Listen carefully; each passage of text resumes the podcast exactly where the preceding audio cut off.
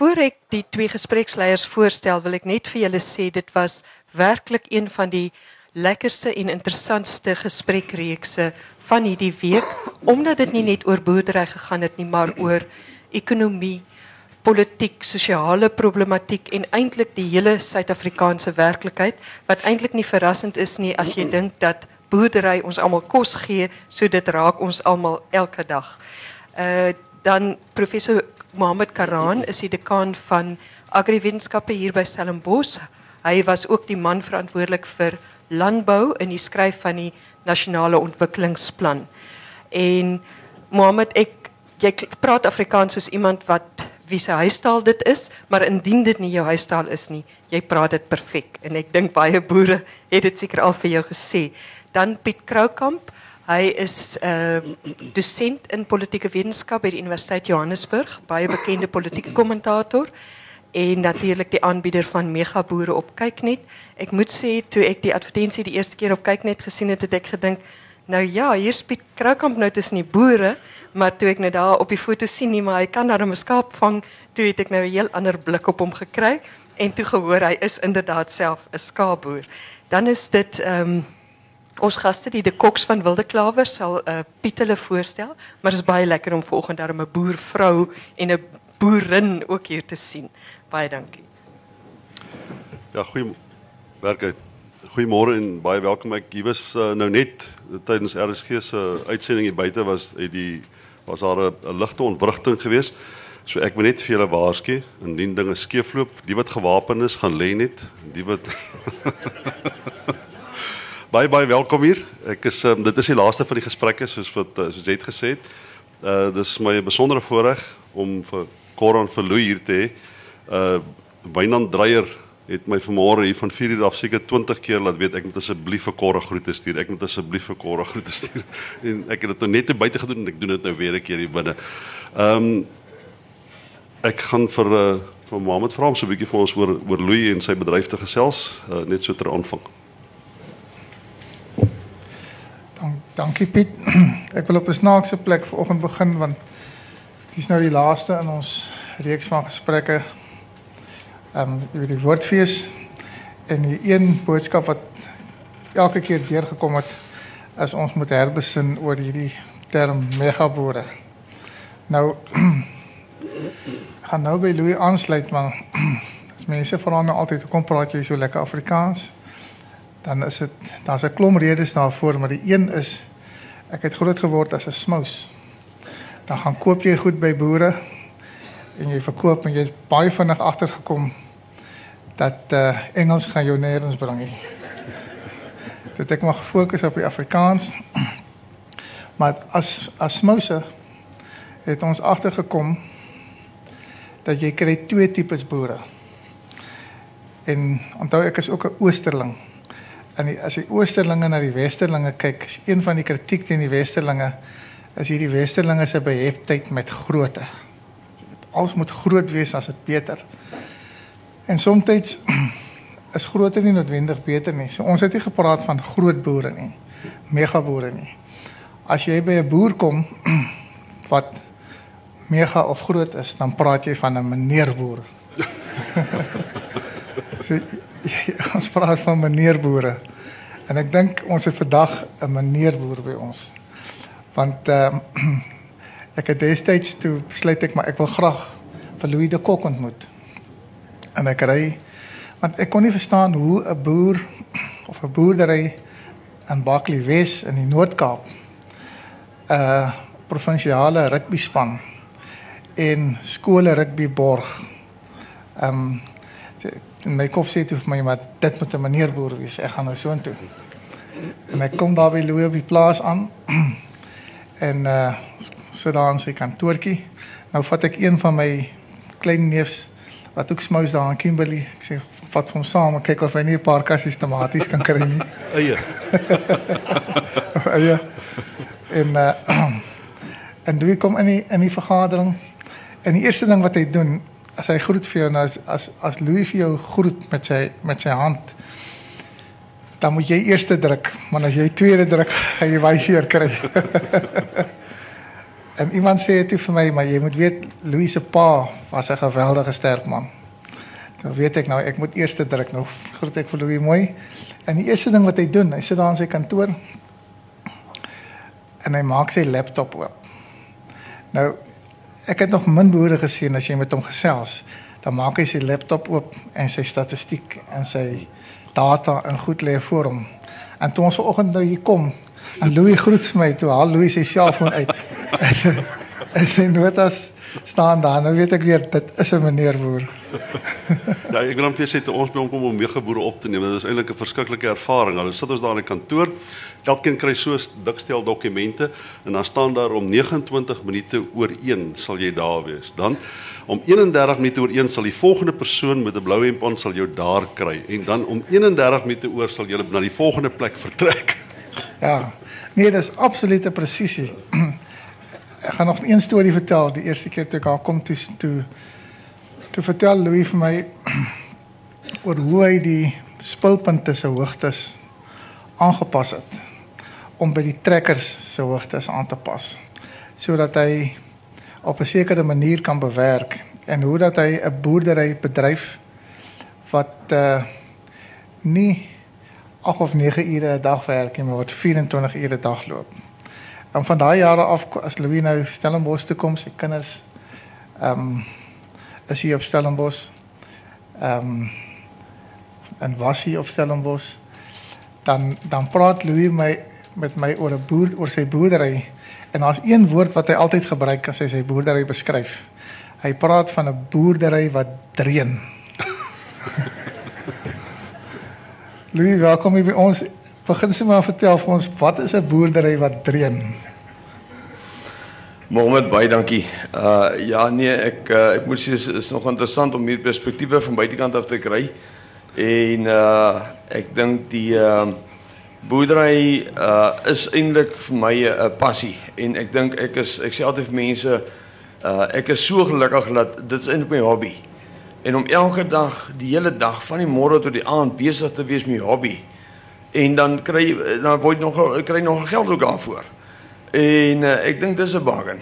En uh, en ek dink ons geniet dit en ek dink dit is regtig waar tussen al die moeilikheid deur is dit eintlik uh vir my iets spesiaals om dan eintlik uh te boer en en uh ja, ek dink die kinders uh deesdae kom dan nou meer vir naweke en uh en hulle het ook 'n probleem gehad uh dan sê hulle maar die plaas dreë nie en uh, en self hulle het gewoond geword in plaas wat dreun en uh, en ek dink uh, dit is 'n besproeiingsboerdery met 'n uh, geweldige klomp aktiwiteite en uh, en dit is so Sondagmôre is dit dan baie stil maar ek dink ons ons het 'n 'n um, 'n besondere plek 'n besondere groep mense. Ons het baie goeie mense by ons. Uh personeel van bestuur af deur tot deel onder Ek dink 'n besondere groep mense. Ons is baie dankbaar vir die area wat ons 'n gesonde area. Uh die wind kom van die Kalahari af. Ek weet van geen groente siekte in die Kalahari nie. So ons ons het geen besmetting van buitekant af nie. Uh ons het baie son. 'n uh, area, besondere plek wat ons en uh, in is daarson.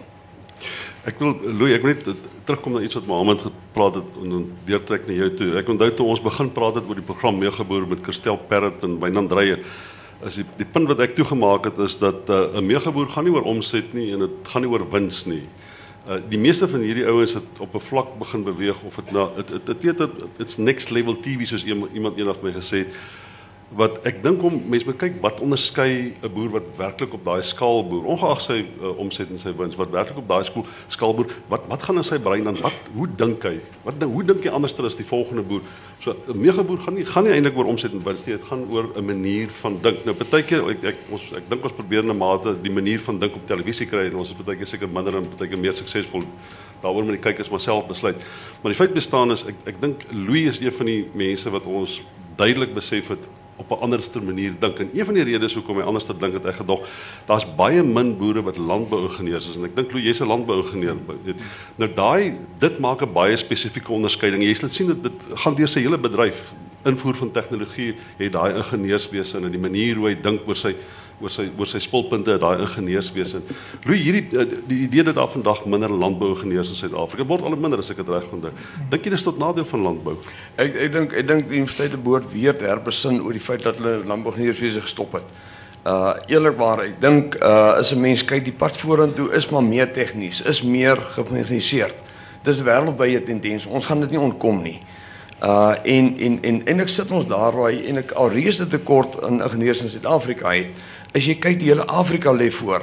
Afrika gaan nie ontwikkel word deur die Duitsers nie. Daai Duitsers sal nie in Afrika kan werk nie want Afrika moet jy aanpas, moet jy die hele tyd kreatief dink en werk. 'n Duitser wil met 'n plan kom wat uitgewerk is en wil hom net uitvoer. Jy gaan dit nie in Afrika doen nie. Nee. So Afrika lê voor en ek dink dit is ons vanuit Suid-Afrika en ons mense in Afrika wat eintlik gaan help om Afrika te ontwikkel. En uh ek dink die voordeel wat ek het en dit is ek hoef nie te wonder oor iets oor hoeveel water loop aan daai pyplyn nie. Ek weet. Uh as ek as ek dink ek wil graag dit en dit doen dan werk ek gou uit en ek doen dit of ek los dit. Uh en ek dink dit dit vergee vir jou spoed en dit help ongelooflik baie. So ek dink daar is beslis 'n uh, 'n uh, 'n uh, landbougeneers nodig want die spektrum waarin jy opgelei word en werk is so wyd.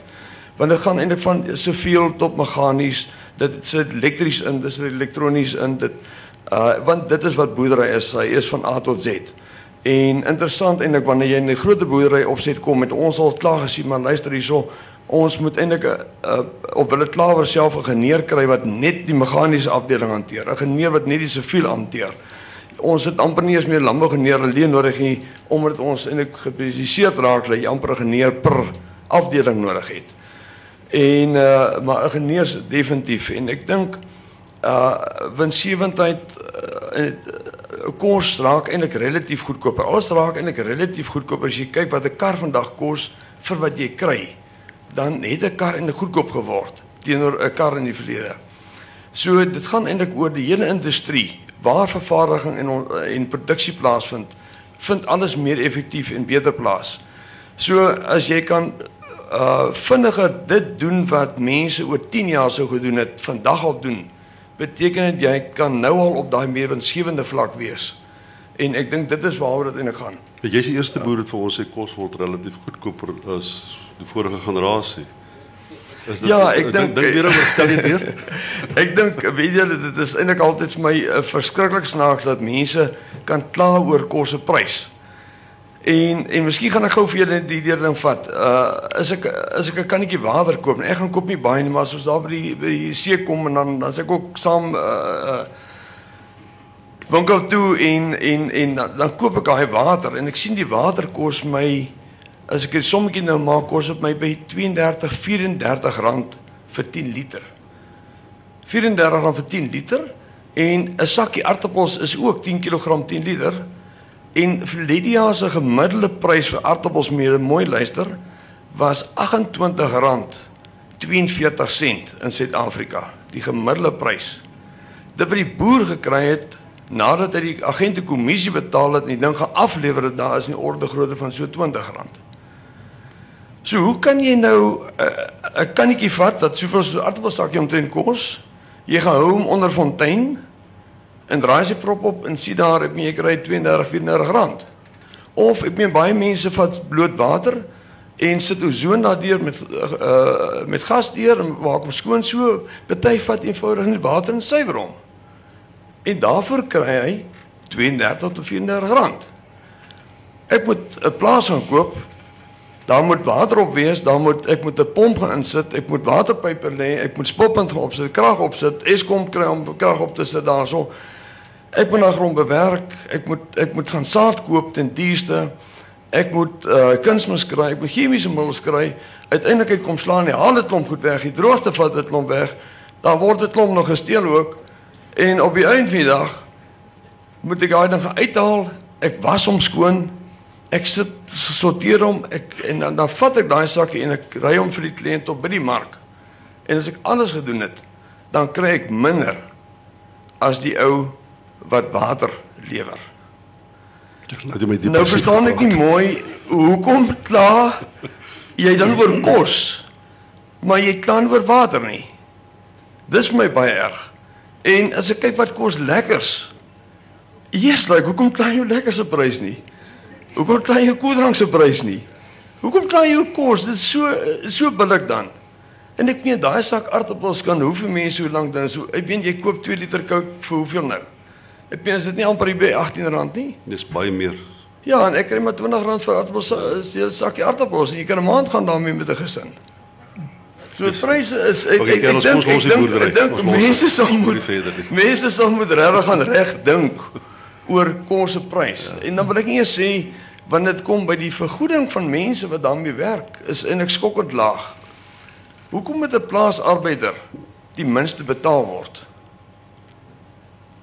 Maar jy's bereid om vir die ou wat in die fabriek werk, is jy bereid om dubbel soveel te betaal wat vir jou speelgoed maak. Maar die ou wat vir jou kos maak, moet halfprys betaal word. Maar daai ou wat vir jou kos maak, hy moet daai weer, hy word geslaan deur die haal.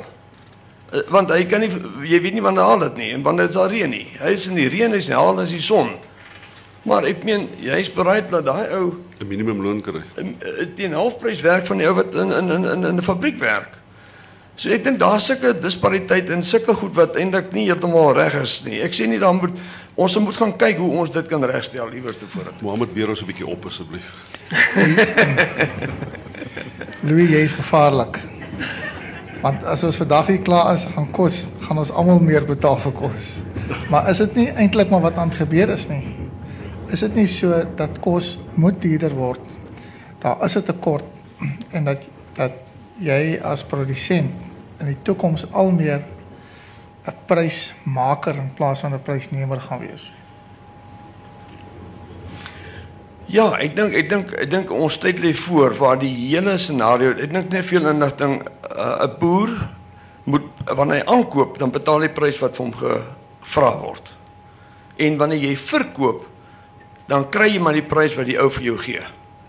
So jy moet jy's 'n prysnemer aan albei kante. En en en geen ander besigheid werk eintlik so nie. Die ander besighede werk, hy koop dit teen dit, hy sit sy wins by en hy verkoop dit. Maar 'n boer mm, kry as 'n prysnemer aan weerskante.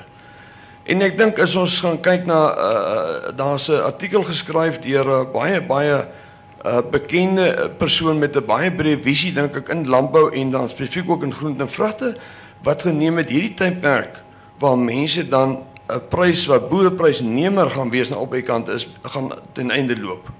Daar gaan so tekort aan voedsel kom dat 'n boer sal sy prys kan maak en die kettinggroep wat daai ding op die rak sal wil hê gaan moet betaal daarvoor. En daardie ding gaan moontlik hierso voor wel verander. So ek dink daar's 'n redelike goeie toekoms, nie redelik nie. Ek dink daar's 'n besondere toekoms vir landbou. Landbou was eintlik bietjie stiefkind gewees vir jare eintlik. Vir jare sê ek al vir Korre, die ding, die wiel moet draai en hy gaan draai. Hy kan nie anders dan nie. En verder dit gaan hoe meer is ek seker hy gaan draai en ek dink alle aanduidings is daar. Hy is al reeds besig om te draai. En ek dink as jy gaan vat, kom ons gaan kyk. Ek het nou eendag met John Deere se CEO gesels. Ehm um, en ek vra aan wie behoort julle aandele? Ehm um, die grootste aandeelhouer van van John Deere is Bill Gates. Die tweede grootste aandeelhouer van John Deere is uh Warren Buffett. Gaan kyk vir Bill Gates hoeveel plase het hy gekoop. Hy het eie plase in Amerika gekoop en verskeidenheid ander plase gekoop. En daai ou sit tog met goeie raadgewers, nê? Nee. En uh, so ek dink ek dink regtig waar is daar uh, een ding is wat wat uh, seker is en dit is ek dink daar lê vir landbou iets baie baie beter. Toe as jy gaan kyk na die toetrede tot landbou, uh, dan was daar nie toetrede van jeug na landbou nie. Die gemiddelde ouderdom in Suid-Afrika van landbou is 58 jaar oud. In Italië is dit 62. In Engeland 63. So jy kan sien dis eintlik 'n wêreldwye tendens, dis nie Suid-Afrika nie, nê. Nee. En en en en en ek gaan kyk na die ouens uh, wanneer jy selfone werk en daai die gemiddelde ouderdom van mense daar is 22, 23.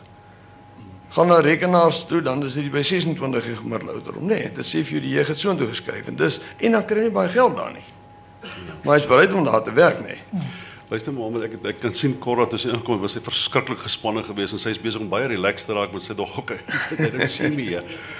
Ek was ek ek net vir Corra graag vra eh, eh, ek dink Louis het as akademikus begin is dit nie en het, as jy nou so 'n bietjie kyk na die pad wat jy gele gestap het was dit was dit 'n 'n noodwendige en 'n logiese pad wat jy gestap het of dink jy dis 'n manier dit het iets te doen met die manier hoe jy dink ek dink selfs die manier hoe jy julle grond bekom het vertel 'n bietjie vir ons hoe het jy uiteindelik begin boer Ja, ehm um, toe ek Louis leer ken het, eintlik reg van die begin af het ek geweet ons gaan een of ander tyd boer. En ehm um, hy was 'n dosent by Tikkies in landbouingenieurswese. Ek het regtig geswat. En uh, hy het my gesê een of ander tyd gaan ons plaas toe gaan. En uh toe wilde klawer in die mark kom en dan moet ek vir julle sê wilde klawer was 'n 'n klein deeltjie van wat wilde klawer nou is, maar dit is die plaas wilde klawer toe hy in die mark kom. Was dit September maand en toe wys hy vir my hoe lyk wilde klawer. Het toe geneem. En toe ek gedink as ek een of ander tyd moet gaan, dan dink ek hierdie is so mooi. Ek dink dan gaan ons gaan ons nou. So ek was onmiddellik baie positief. Maar eh, dit is nie 'n erfplaas nie. Louis se pa het ons gehelp en um, iets wat ons al, eintlik altyd graag wil regstel is um, ek glo nie almal het nou noodwendig mega boere gekyk nie, maar uh, ons het nie uh, uitgebrei oor die mate waarin sy pa hulle ons ouers ons ondersteun het nie. Ja, sy pa het ons gehelp met 'n uh, met uh, deposito of 'n gedeelte van die deposito. Die res was sy uh was dit jou pensioen gewees by Tikkies, daai geld en so klein bietjie van 'n huis wat ons verkoop het.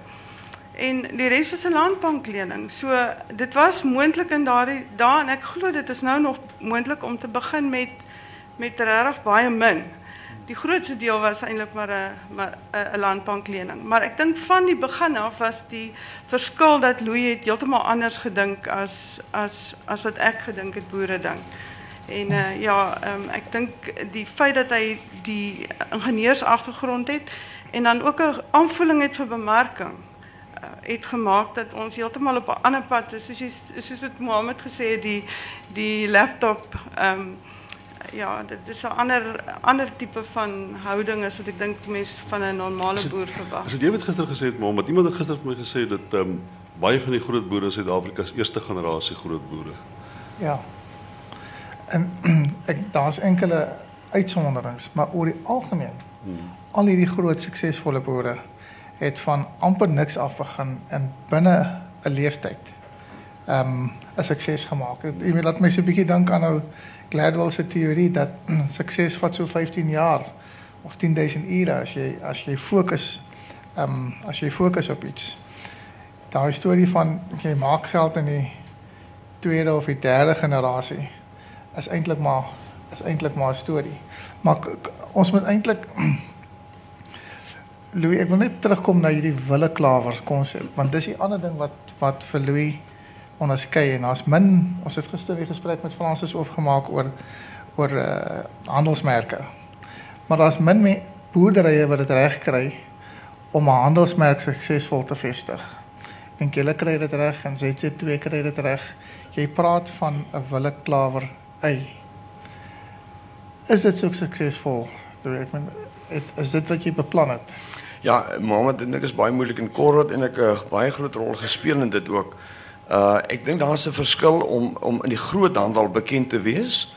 Uh dit wil sê dat jy dit goed op die mark plaas en albe op die mark weet wie wat is.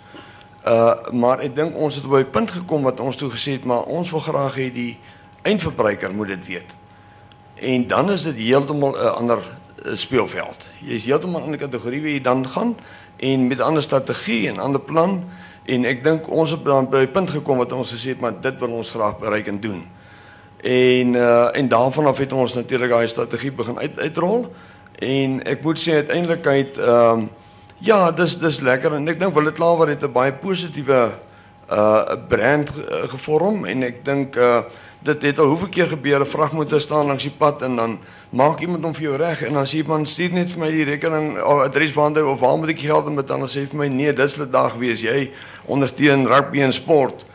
Uh ek gaan nie vir jou vra nie En uh en en, en dit is dan lekker dan jy sien dat dat dit werklik waar waardeer mense ook want ek dink ons het ook 'n uh, deel van die geld wat ons in rugby ingesteek het uh en so aan het uh, was ook vir ons dan deel van gemeenskapwerk gewees om ek dink sport jy het iets nodig positief nodig in jou gemeenskap. Jy het iets nodig in 'n land uh, waar dan moet iets positief wees en ek dink heidaglik uh is sport nogal 'n uh, belangrike uh, ding in Suid-Afrika om mense se dit positief te hou.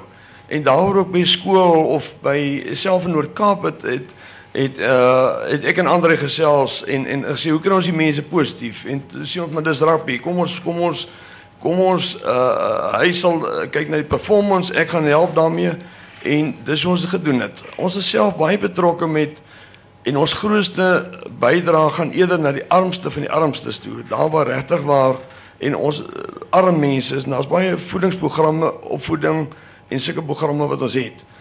Maar ons het ook gevoel met met byvoorbeeld superskole ons wil ook excellence in Suid-Afrika bevorder. Dan moet excellence wees, dan moet iets wees, dan moet performance wees. Ek meen wat mense aanmoedig dat dat mense kan uh, begeesterd raak. En ek dink dit is waar ons toe gesê het maar kom ons gee ook iets vir daai top end en en probeer ook dit ontwikkel. Uh ek dink dit is waar ons uh, uh hoekom ons betrokke met hierdie goeters is. Maar jeug jeug is vir ons 'n passie dink ek. Ek ek wil vir jou 'n storie vertel oor oor Louis en rugby. Wat ek wil vir my reg juist vra oor daai verbintenis. Nou speel Maties in die Waasti Cup en hulle verloor aan mekaar en uh die rektor vra vir my 'n bietjie vir vir vir 'n wyle te kyk na Matie rugby. En ek is 'n landbouer. Nou wonder ek hoe gaan ek rugby regmaak? en ek tel die telefoon op, ek bel vir Louis. Want iemand sê vir my, luister man, dink aan Andre Markgraaf. Nou skrik ek want ek weet ook jy moet handskoene aantrek nou. maar ek kry vir Louis en ek sê ek bel die tel die telefoon ek sê Louis. Ehm um, vertel my van Andre Markgraaf. Weet natuurlik wie Markgraaf is en wat alsaam mee saamgaan. En Louis het vir my een dingetjie gesê. Hy sê luister Markgraaf se kennis van rugby is uh op heeltemal 'n ander vlak. En hy vertel vir my hoe hy en Andre saam rugby kyk en waarna die gewone mense kyk en waarna Andre sal kyk. Ek gaan nou nie die details van die gesprek hê. Maar ek maak 'n afspraak met Markgraaf. Ek sê Markgraaf, kom, maak maat maak Matie rugby reg. En Andre is nou adviseur van Matie rugby en ons het nog nie weer verloor nie. Louis, vertel vir ons van jou verbintenis met rugby. Ja, ek dink ek dink uh, hier ons het Elta hier voor ons het eintlik 'n Sondagmiddag was dit maar uh, gewees dat ons eintlik uh, vleis gebraai daar by hulle en dis eintlik op pad terug dat ek en Andre toe nou gesê het besluit het uh kom ons doen dit. Kom ons uh en en uh uiteindelik het, ons uh besluit luister hierso, elkeen vat sy verantwoordelikheid. Ek kan ongelukkig nie rugby afrig nie. Ek het al uh vir ander gesê man, ek weet hoe om bestuurder aan te stel. Ek kan sien jy kan dit nie doen nie. Maar uh maar 'n uh, rugby span kan ek nie weer kies soos jy hom kan kies nie. Ek kan vir julle sê dis my uh 'n besondere tyd gewees want alright en so het Andre toe die performance van Griekwas moes na kyk en ek ek, ek sou die geld gee daarvoor. En uh maar in daai tyd was dit besonder belewens en ek wil net vir julle sê die die die mense kyk op 'n ander manier en die jy as as as toeskouer het altyd so baie te sê en ek gaan miskien net die een ding vertel. En uh en dit is toe ehm um, wat hy vleelman ehm um, en meer mense, ander mens. Ander mens speel en die uh in daai Super 14 reeks druk hy die meeste drie. En uh en daar kies Andre hulle die span om dieselfde aand vir Super 14 klaarmaak, kies Andre hulle of net so 'n bietjie voor dit kies hulle toe nou die span wat met Engeland toe gaan. En ander mense is nie daar nie. En daai aand is ons ook op pad na na ander ons gaan vleisbraai. En uh en ek dog toe nou vanaand gaan Andre moet explain en ek meen ek kan ten minste gaan ek vir Andre sê Andre 'n mens kies die beste span. En daar's nie 'n manier dat daar bandjies vir boeties is nie. Dis net die beste span as jy wil wen en jy wil mos wen dan kies jy die beste span. En uh en dit aan was nie ver gewees nie dat ek toe vir Andre sê maar hoe die Joos laat dit dan vir hy nou mense uit. Is hy nou mense die meeste drie gedruk. Die, die al die statistieke sê ons vir jou. Dit is so. En weet julle, daar wys hy nou mense toe, ag, wys Andre my toe op 'n 'n swak probleemarea wat ek nou nie vandag gaan sê nie in Henno mense mondering. En hy sê dis presies hoe die skotte en die walliese en die ure speel. En presies die swakpunt van van Henno mens is presies hulle sterkpunt en wat hulle hom op gaan troef. En ek moet sê ek het nooit sy swakpunt raak gesien. Ek het nooit eers agtergekom ook die ander het daai daai strategie nie. En ek het vir ander gesê, "Jong, ek hoor wie jy sê, maar ek gaan eers kyk daarna." En jy vriend die waar en daar sit ek die volgende wedstryd op die Vrystaat stadion. Ek sit langs een van Absa se groot manne daar en ek vertel hom van hoe mense wat nou hier gaan speel en ek gaan dit kyk. En hy kyk my so aan, hy sê vir my, "Maar dit sal 'n dag wees." Ek meen, Heno mens is die ou vir wie ek kyk elke week. Ek kyk nie vir ander ouens nie. Heno mens is my grootste fan. En ek uh en en daar's nie so iets nie. En weet julle, die eerste agterlyn beweging gebeur presies wat Andre gesê het. En hy kyk na my, sê hy hy, hy is jammer hy het nog nooit gesien nie. So ek wil vir julle sê is Andre hulle en hierdie mense hulle rugby kyk, is dit ongelooflik om te sien. Pieter Jooste en hierdie mense, wat kyk hulle na en en hulle kyk nie na wat die bal beweeg en wie dit hanteer nie. Hulle kyk daai hele spel. Hulle kyk alles. Is is is my seentjie sou kom met met bietjie biltong iets om hom te gee. Hy vat hom net so die pad uit en hy daar's niks wat hom keer, maar daai rugby word gekyk. Baie besondere uh, uh, en ek wat vir my eintlik 'n lekker aflei. Ek kan nogal fokus op goed. En en so as ek aan die boerdery is en ek is besig daarmee as net boerdery. En eintlik was die rugby dan vir my eintlik 'n uh, baie lekker afleiding om betrokke te wees eintlik aan met rugby daar. As ons as ons Mohammed los gaan hy die hele dag sit en rugby praat. Ek en hy het saam vir Goldfields hier op Stellenbosch gespeel. Hy hy was voorry en hy was so 50 kg ligter as nou. Dit was hy voorry gewees. Ehm um, en en Barry White kom nooi hulle my vir hulle te speel want hulle kort iemand wat hierdie tipiese Afrikaner geweld 'n bietjie kan toepas want daar kort hulle so ietsie by die slot of die agste man. Dis maar hoe dit ek as enigiets. Daar's iets anders wat wat wat wat um, en ek is jammer dat ek dit moet weg moet vat van rugby. Daar's iets anders wat wat ek toe ek weggegaan het daar by Wilde Klawer absoluut my mind getikkel het. Louis, miskien moet jy net vir ons so vinnige praktiese verduideliking gee. Ek gee vir jou 50 of ek gee vir jou 20 hektaar grond. Dis bar en rou grond en jy gaan eie plant. Vertel 'n bietjie vir ons daai proses vandat jy dan na die landery kyk totdat jy uiteindelik die eerste eie in die grond sit want dit het my nogal getikel. Ja, ek dink miskien moet 'n mens uh uh ek gaan kyk dis 'n ongelooflike lang proses is uh, wat jy alles moet reg doen. En en en en ek dink die um, as jy eie plant uh uh het ons eintlik ons poppunte byvoorbeeld almal gelaaster, menende ons het hulle plat gemaak. Ons het miljoene kubieke meter ton geskuif om 'n eintlik 'n perfekte lande te skep. Uh want ons het gesê ons wil groenteproduksie doen, ons wil op groot skaal doen. Dan gaan jy dit net reg kry as jy eintlik jou moeilikhede uithaal en daaroor het ons vir ons eintlik sulke ek wil amper sê openlig fabrieke geskep. En ehm um, en ek vandat jy plant is is is is is is is ehm um, is is is elke ehm um, ding moet eintlik 100% reg gedoen word. As jy dit 100% reg doen, dan kry jy ongelooflike opbrengste. En dis eintlik jou foute wat jy maak van jou saadbed wat nie groot eh, wat nie fyn genoeg is nie. Ons het ons ons spoppunte verander dat jy oor die een spoppunt dieselfde grond het. Al die klei is verwyder en in dongas gaan gooi. En die hele spoppunt het dan dieselfde tipe van grond. En daardie grond ons seker gemaak is tot 'n meter diep. Uh want ons sê as jy groente het en daar kom reën dan moet daar ook plek wees vir water nog onder dit.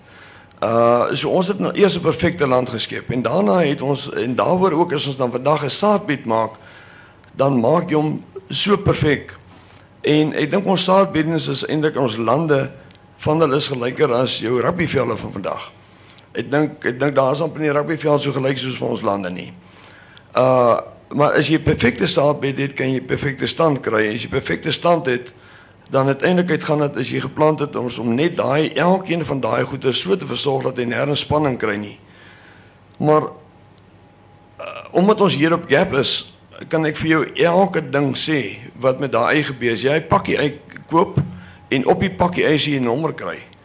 As jy vir my daai nommer gee, gaan ek vir jou sê die saad is ingevoer van Amerika af. Dit het daai dag arriveer op hulle klaar, dit is 'n daai stoor gewees. Ons het dit daai dag op daardie spoppunt geplant. Daai spoppunt het daardie water gekry. Hy het daardie chemikalie op daai dag gekry. Hy het daardie hy's daai dag geoes. Hy daai dag het hy het sy lowwe afgesny. Die watter dag hy arriveer in die pakhuis. Ek kan vir jou elke dag sê die toestand waarin hy gewees het in die pakhuis. Ek kan vir jou sê die watter masjiene gepak is. En wat dit eintlik jy dan koop, kan ek vir jou volledige uh, rekord gee. Dis die traceability. En dit het eintlik so baie geword. Ons doen op die oomblik so uh tot en met so 450 ag 45000 na uh 50000 sakkies. Nou dis omtrent so 500000 kg pakkies. Uh half miljoen kilogram pakkies wat ons per dag pak, nê. Nee. En en om dit te kan doen en vir elkeen kan rekenskap gee, moet jy weet dis nogal 'n redelike groot werk. Die kratte wat inkom en wat elke dag hanteer word, dis die groot halfton kratte het beloop dat ons hierso by 4-5000 kratte beweeg die hele dag in die pakhuis. En vir elkeen moet die hele tyd rekorde waar hy beweeg en wat gebeur. En en dit is hoe ons ook die ding opgeskaal het waar ons eerder gegaan het in containers begin gebruik het. So ons oes vandag reguit in 'n container op die land. En daardie groot container word dan met die oorhoofse kraan afgelaai en hy word gestoor ook daarin en alles word dan en so het ons ons rekordhouding en dit met 40 verminder want daar is 40 halfton krat in so houer. So daar daar's 'n hele proses maar iemand wat daai pakkie eie koop koop nie 'n bottel water nie, nê. Ek net vir jou sê jy het sopas na 'n baie lang gedig geluister. That's poetry in agriculture. Dis die mooiste storie wat ek gehoor het. Die die absolute presisheid waarmee is dit hoe jy se huwelik bestuur korrig. Jy kan maar vertel, ek net so 'n bietjie hoor. Is dit is dit hoe jy jy ook bestuur word of gerangeer word? Nee, ek moet eintlik sê gelukkig uh, pas hy nie sy ingenieurswese op my toe nie. Dit sou baie sê. Ja, alles nie. Ek dink toe ons uitgegaan het, toe ons uitgegaan het, ek soms sê met onthou ek is nie soos daai eisters nie. Hy uh, sy pa praat altyd van duime en hy praat altyd hy meet alles in millimeters. Hy praat regtig van 20 mm en 200 mm en so aan. En uh, ek net van sê ek werk met daai millimeters en daai eisters nie. So.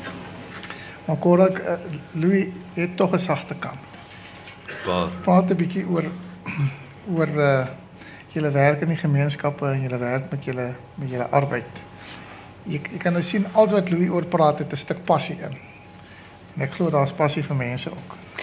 Ja, weet jy wat ek het gisterand eintlik nou uh weer opnuut besef want ons is nou al twee geweldig besig geweest eintlik tot ons op die vliegtuig gekom het. En toe kom dit so dat 'n uh, eh, besoekende uh, Nederlander ook nog op die vlug saam met ons is en nog afklim saam met ons en nog na die tyd koffie drink en die uiteinde is ons kry nie kans om eintlik lekker voor te berei vir vandag en te besluit presies hoe ons dink dit gaan verloop nie. En in die in die tyd wat ons toe nou het om te gesels op pad van die lughawe af na die gastehuis toe, toe bel daar 'n vrou wat ek van geen kant af ken nie.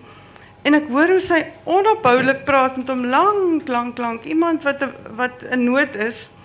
En hy bly met haar geduldig en hy luister haar aan en hy luister haar aan. Hy het haar nooit kort geknip nie. Ek is al so ehm um, ek ek wil graag hê ons moet nou die ding bespreek want die die nag is ook nou kort wat voor lê. Hy het 'n ongelooflike passie vir mense. En ehm um, ek sou lankal van gesê het mevrou, kan jy asseblief net Sondag bel? Ek nou moet ons ons het nou iets anders om te doen, maar het, ek dink hy het omtrent 10 minute na geluister. Sy het 'n behoefte vir 'n skenking. Ehm maar wat betref ons gemeenskap, ek dink ons het uh, albei 'n groot passie daarvoor vir ons mense. Ek dink die storie wat 'n mens buite lees en veral in die pers is is is nie noodwendig altyd waar nie ons verstom ons vir die loyaliteit van ons mense. En nou wil ek vir julle sê dit is nie dat dit altyd goed gaan nie. Daar's op die huidige oomblik 'n groepie op 'n spesifieke plaas wat ongelukkig is. En ja, mense kan sê dis politiek en dit is politiek.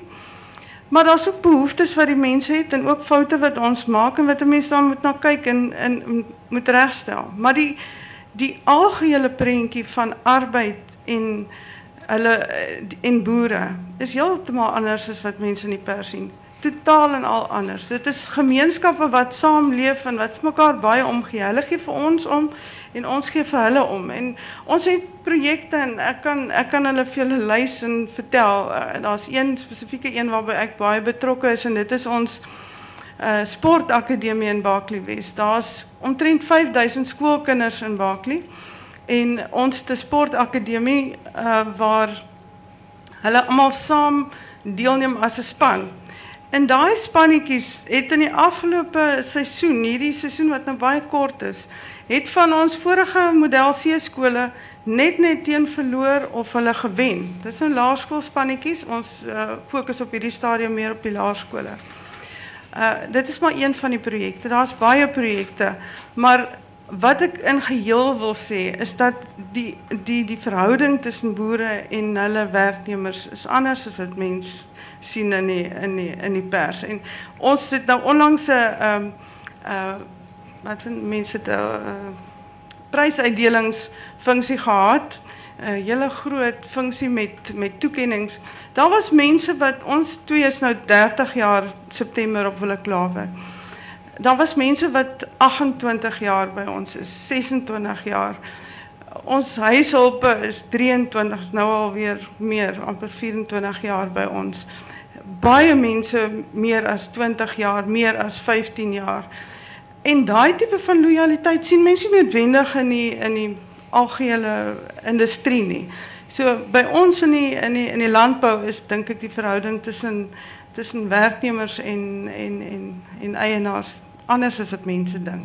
Ja, ek dink is uh, wat kon ook nie as jy die mense ook in ag neem, die dag toe ons op hulle klaar begin het, het ons met 12 mense begin, nê. Nee.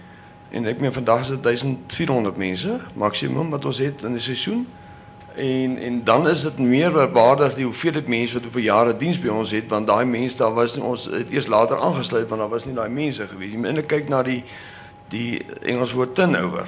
En ek dink daar was een stadium wat ons vir 6 jaar agter mekaar nie een werknemer verloor het nie, nê. Nee. Uh maar ons maak ook ons foute en ek dink uh dis die manske en rose nie as iemand op hulle klawer kom self gaste dan moet hy weet hy gaan 'n werkie kry dan nê. So weet ek weet ek weet jy wil nog vir die gehore kans gee, maar ek moet nou vir Louis vra. Want die landbou gaan mos nou in 'n moeilike tyd. En ek vergelyk dit met 'n met 'n trok wat ehm um, op heuwel ry en uh, die ratte raak te swaar, so hy moet afrat om weer krag te kry. Nou ons ons het tans 'n droogte, ons het ekonomiese druk. Ons het eh uh, politieke uh, turbulentie. Hoe hanteer jy dit alles? Mohammed, ek dink ek ek is so besig dat ek uh ek dink nie ons baie tyd vir baie ander goed te dink nie. Maar maar ek ek ek dink miskien moet 'n mens net mooi gaan kyk. Ek dink min mense tel die goed bietjie bymekaar. Al die spanning wat 'n boer uitdag moet beleef. En eintlik as ons kyk na die kumulatiewe spanning dan dan dan dan ehm uh, kom ons sit lig op bymekaar ek meen daar's die grondhervorming. 'n Boer weet nie wat gaan gebeur nie. Gaan hy sy grond verloor, gaan hy dit nie verloor nie. Ehm um, en dit en dit is van die een kant na die ander kant. Ehm um, maar daar's 'n totale onsekerheid van sy voortbestaan. Die volgende is die droogte.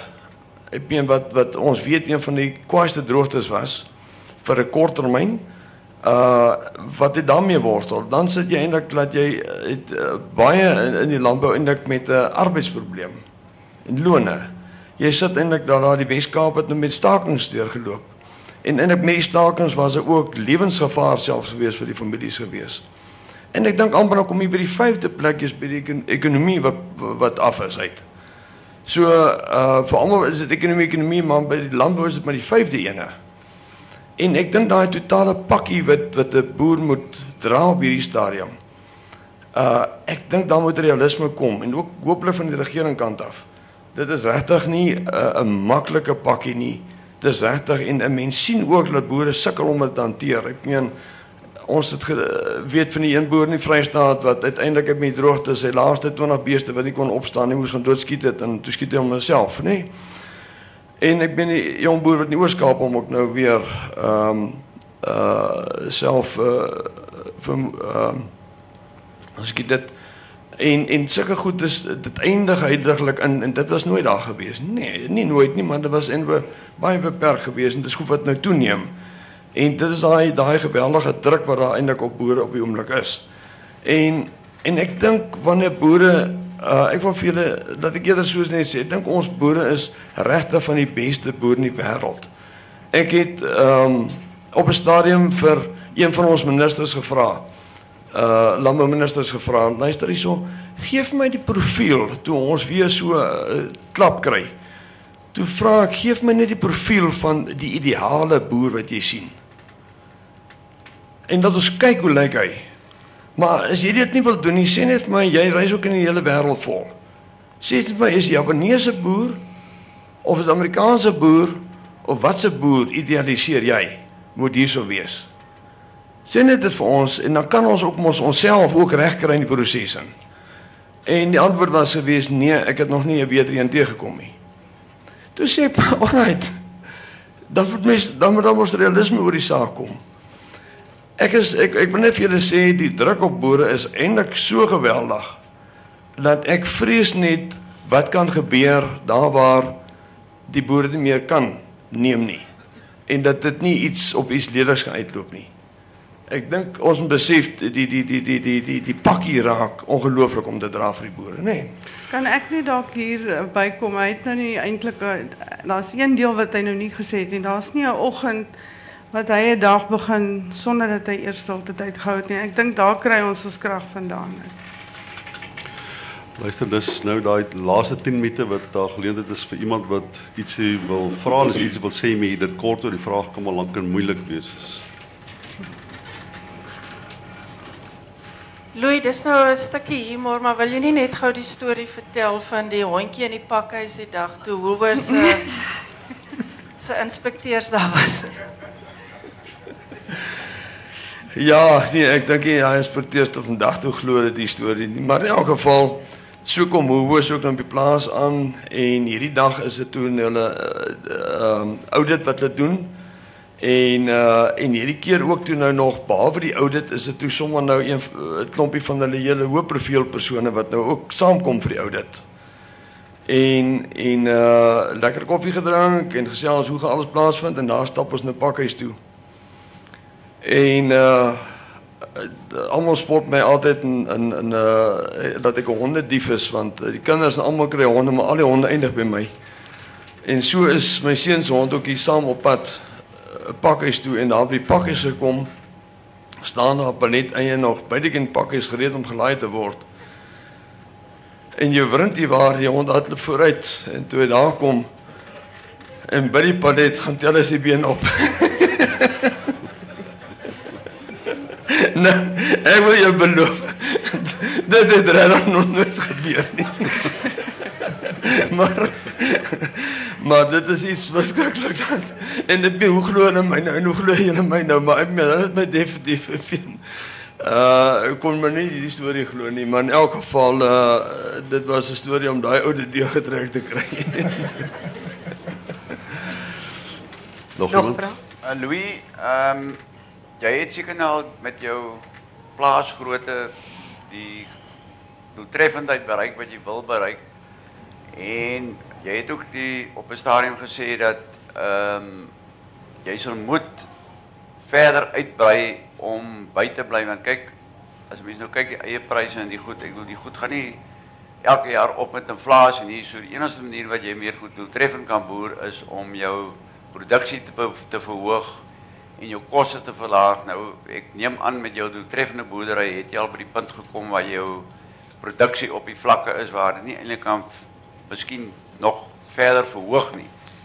So al manier wat ek kan sien is dat jy nog verder moet grond bykoop en uitbrei om jou kostestruktuur te verlaag om by te bly. Is dit so of en is daar genoeg water en grond et cetera om verder uit te brei?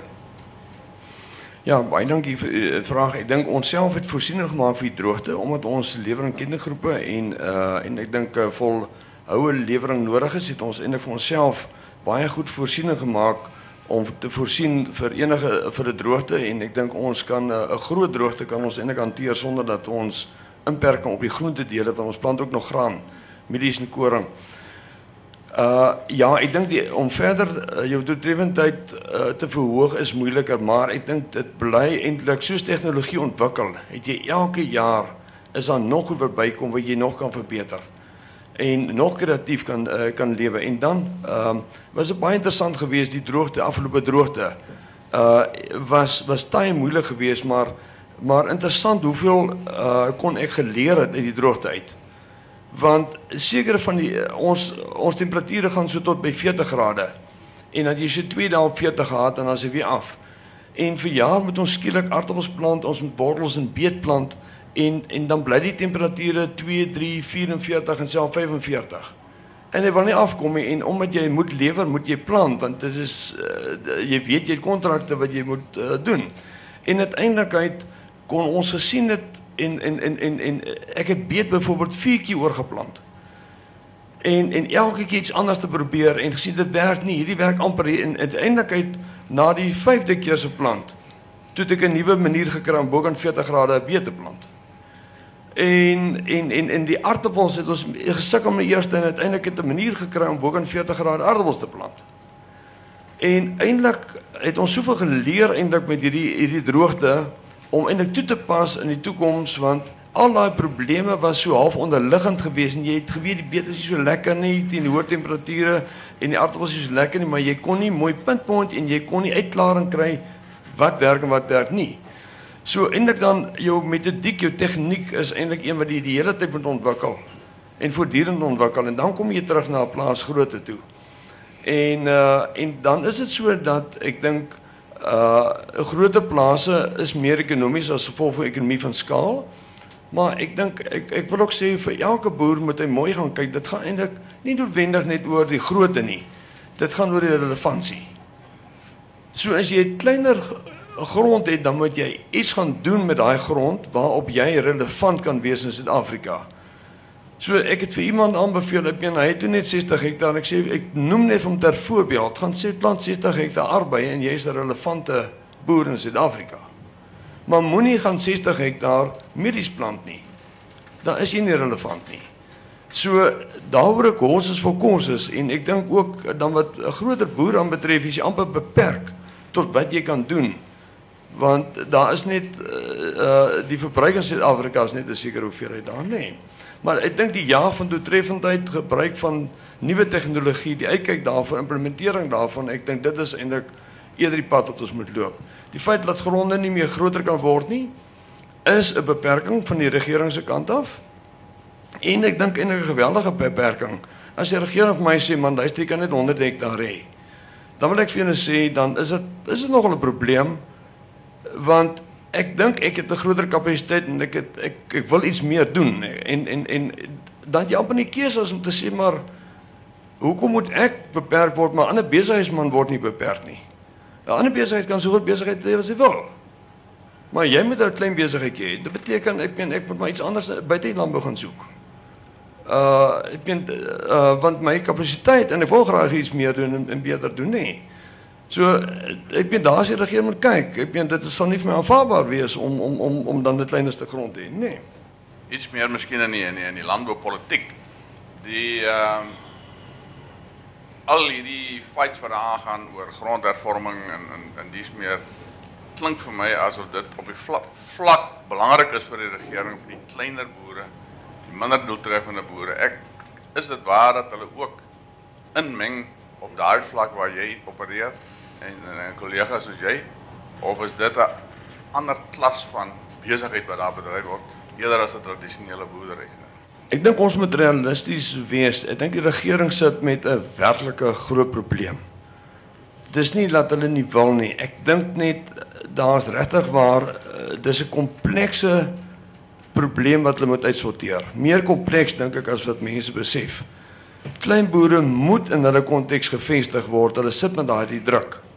Aan die ander kant weet hulle dit is eintlik nie in Suid-Afrika die die die die die die korrekte ding. As jy gaan in Rwanda en jy kyk hoe die klein boere daar boer, fantasties, ongelooflik. Uh Rwanda is een van die grootste, daai ou klein landjie wat so groot is so Gauteng is een van die grootste aardappelprodusente in in Afrika, nie die tweede grootste een na Egipte. Daai Rwanda produseer meer aardappels as Suid-Afrika, nê. Nee. En dit op klein boere, nê. Nee. So die kleinboer konsep wat ons weet in Afrika is dit suksesvol en baie suksesvol het ek in Rwanda gesien byvoorbeeld nê. Nee. En en geen wonder die regering dink dit kan nie en en dat mense voel dit kan nie. Aan die ander kant dink ek sit jy uh, dat die regering uh die grond moet oorplaas en hulle het dit baie uh gedryf in die begin en dit het teen 'n baie groot tempo geloop, die grond is opgekoop en oorgedra, maar die sukses was eintlik was eintlik onsuksesvol en dit dit het die hele proses begin rem. En die regering eintlik het het het het ek weet nie Matasha self vir ons gesit ons met hom gesels saam met Mohammed en gesê hulle sit met 'n probleem maar hulle sien dit is suksesvol nie. En en en en maar hulle weet dit moet gedraai word dit moet gedoen word. En en en en, en maar ek dink die regering agterkom jy dit gaan nie net oor grond nie dit gaan eintlik die die grond wat jy moet oorgedra kry maar jy die die kundigheid en tegnologie wat jy ook moet oorgedra kry en dis nie net eenvoudig koop grond en sien daar ek meen die saak is afhandel. Dit was aanvanklik die gedagte geweest, nê. Nee, die ding is baie meer die die die kundigheid wat daar, die intellektuele kapitaal wat daar in die boere geleë is, is ongelooflik. En ek vir julle sê, ek het al gesê ek kan net oor die bietjie groente waarmee ek boer 2, 3 Bybels skryf. Oor net wat jy moet doen, wanneer jy moet doen. En dan die interessante daarvan, die goed is nêrens en ek opgeteken vir al die groente nie want dit is te klein. Daai inligting is kry jy jy kry oor medies en graan, sulke goed baie gelees. Maar baie goed van die landbou kry jy nie gelees nie. So uiteindelik dink ek sit hulle met daai probleem, maar ek dink ons moet realisties wees en dan wil ek net hier 'n uh, punt ingooi wat ek dink almal 'n bietjie mooi moet na gekyk. En 'n vraag wat ek eintlik vir julle wil vra. En dit is as mense gaan kyk na wat moet gedoen word in die uh, grondhervorming is een van die goed wat Suid-Afrika kan plattrek en kan vernietig as dit nie reg hanteer word nie. En as ons nie deur die proses kan beweeg nie. My vraag is net en dit is is dit realisties om te dink 35000 boere moet hierdie nasionale landsprobleem 'n apartheidsprobleem wat daar gekom het uit jare uit dat dit alleen op die skouers van 35000 boere moet rus. Waarvan baie van hulle geen ons ons sulke ekonomiese druk is dat hulle omtrent geen bydrae kan lewer nie. En dat jy terugkom dat jy omtrent dit op die skouers van 1000 of 2000 boere sit. 'n Nasionale probleem waar hierdie boere verwag word om dit te befonds en verwag word om die opleiding en al die werk te doen ook. Is ons realisties? Is dit reg wat ons dink en ons dink ons gaan die ding 66 word deurgehaak kry? Uh gaan jy op Stellenbosch kortvry afkom met hierdie ding uit? Ek dink nie jy gaan jy gaan jy gaan dit aan jou voel as dit met verkeerd loop. Jy gaan dit voel in terme van kospryse. Dan sê maar ek het genoeg geld. Dan sê ek vir jou sê maar hoorie, jy het gesien vir hoe hoe spoel goed oor. Oppas vir die oorspoel. Ek dink hierdie ding sal kollektief gedoen moet word en kan nie net deur boere gehanteer word nie. Befondsing, oplossings. Ons moet gaan kyk. Daar is oorseese uh uh lande wat wat ook die problematiek besef en ook besef die in die groter konteks van die wêreld dit belangrik is dat ons moet oplossings kry. Ons wil werklik eh, moet saam met die regering gaan en gaan kyk na befondsing daarvan want die regering het nie die fondse om al die goed te doen nie. Um ons moet gaan kyk moet daar nie eh, 'n uh, grondbelasting wees, grondhervorming belasting wees nie. Maar ek vra weer, kan hierdie nasionale kan die probleem van Suid-Afrika deur net hierdie groepie klein groepie boere gedra en opgelos en hanteer moet word. Louis daai vraag daai vraag sal ongelukkig 'n bietjie met die ligging. Ons is besig om universiteit te gaan. Ek wil vir Louis vir Corrie sê baie baie dankie dat hulle moeite gedoen het om te wees en ek dink julle kry nou besef hoekom ek gesê het dit gaan nie oor omset en wins nie. Dit gaan oor die mega mind, die mega manier van dink, die interessante komplekse uh, manier waarop Louis dink is 'n uh, groot inspirasie dink ek vir baie ander boere en vir mense. So ek ongelukkig het ons nie tyd ons moet die saal 10 uur verlaat. Ek wil net vir my vriend Mohammed Karan sê verskriklik baie dankie Mohammed dat jy saam met my was. Uh ek is weer eens uh, getref deur die rykbuite uh van jou liefde vir boerdery en hoe interessant en jy oor die mense dink wat in die landbou betrokke is. Baie baie dankie dat jy saam met my was en dankie dat julle gekom het. Ons met die saal onmiddellik verlaat want daar met 'n nuwe span mense inkom. Baie dankie dat julle hier was.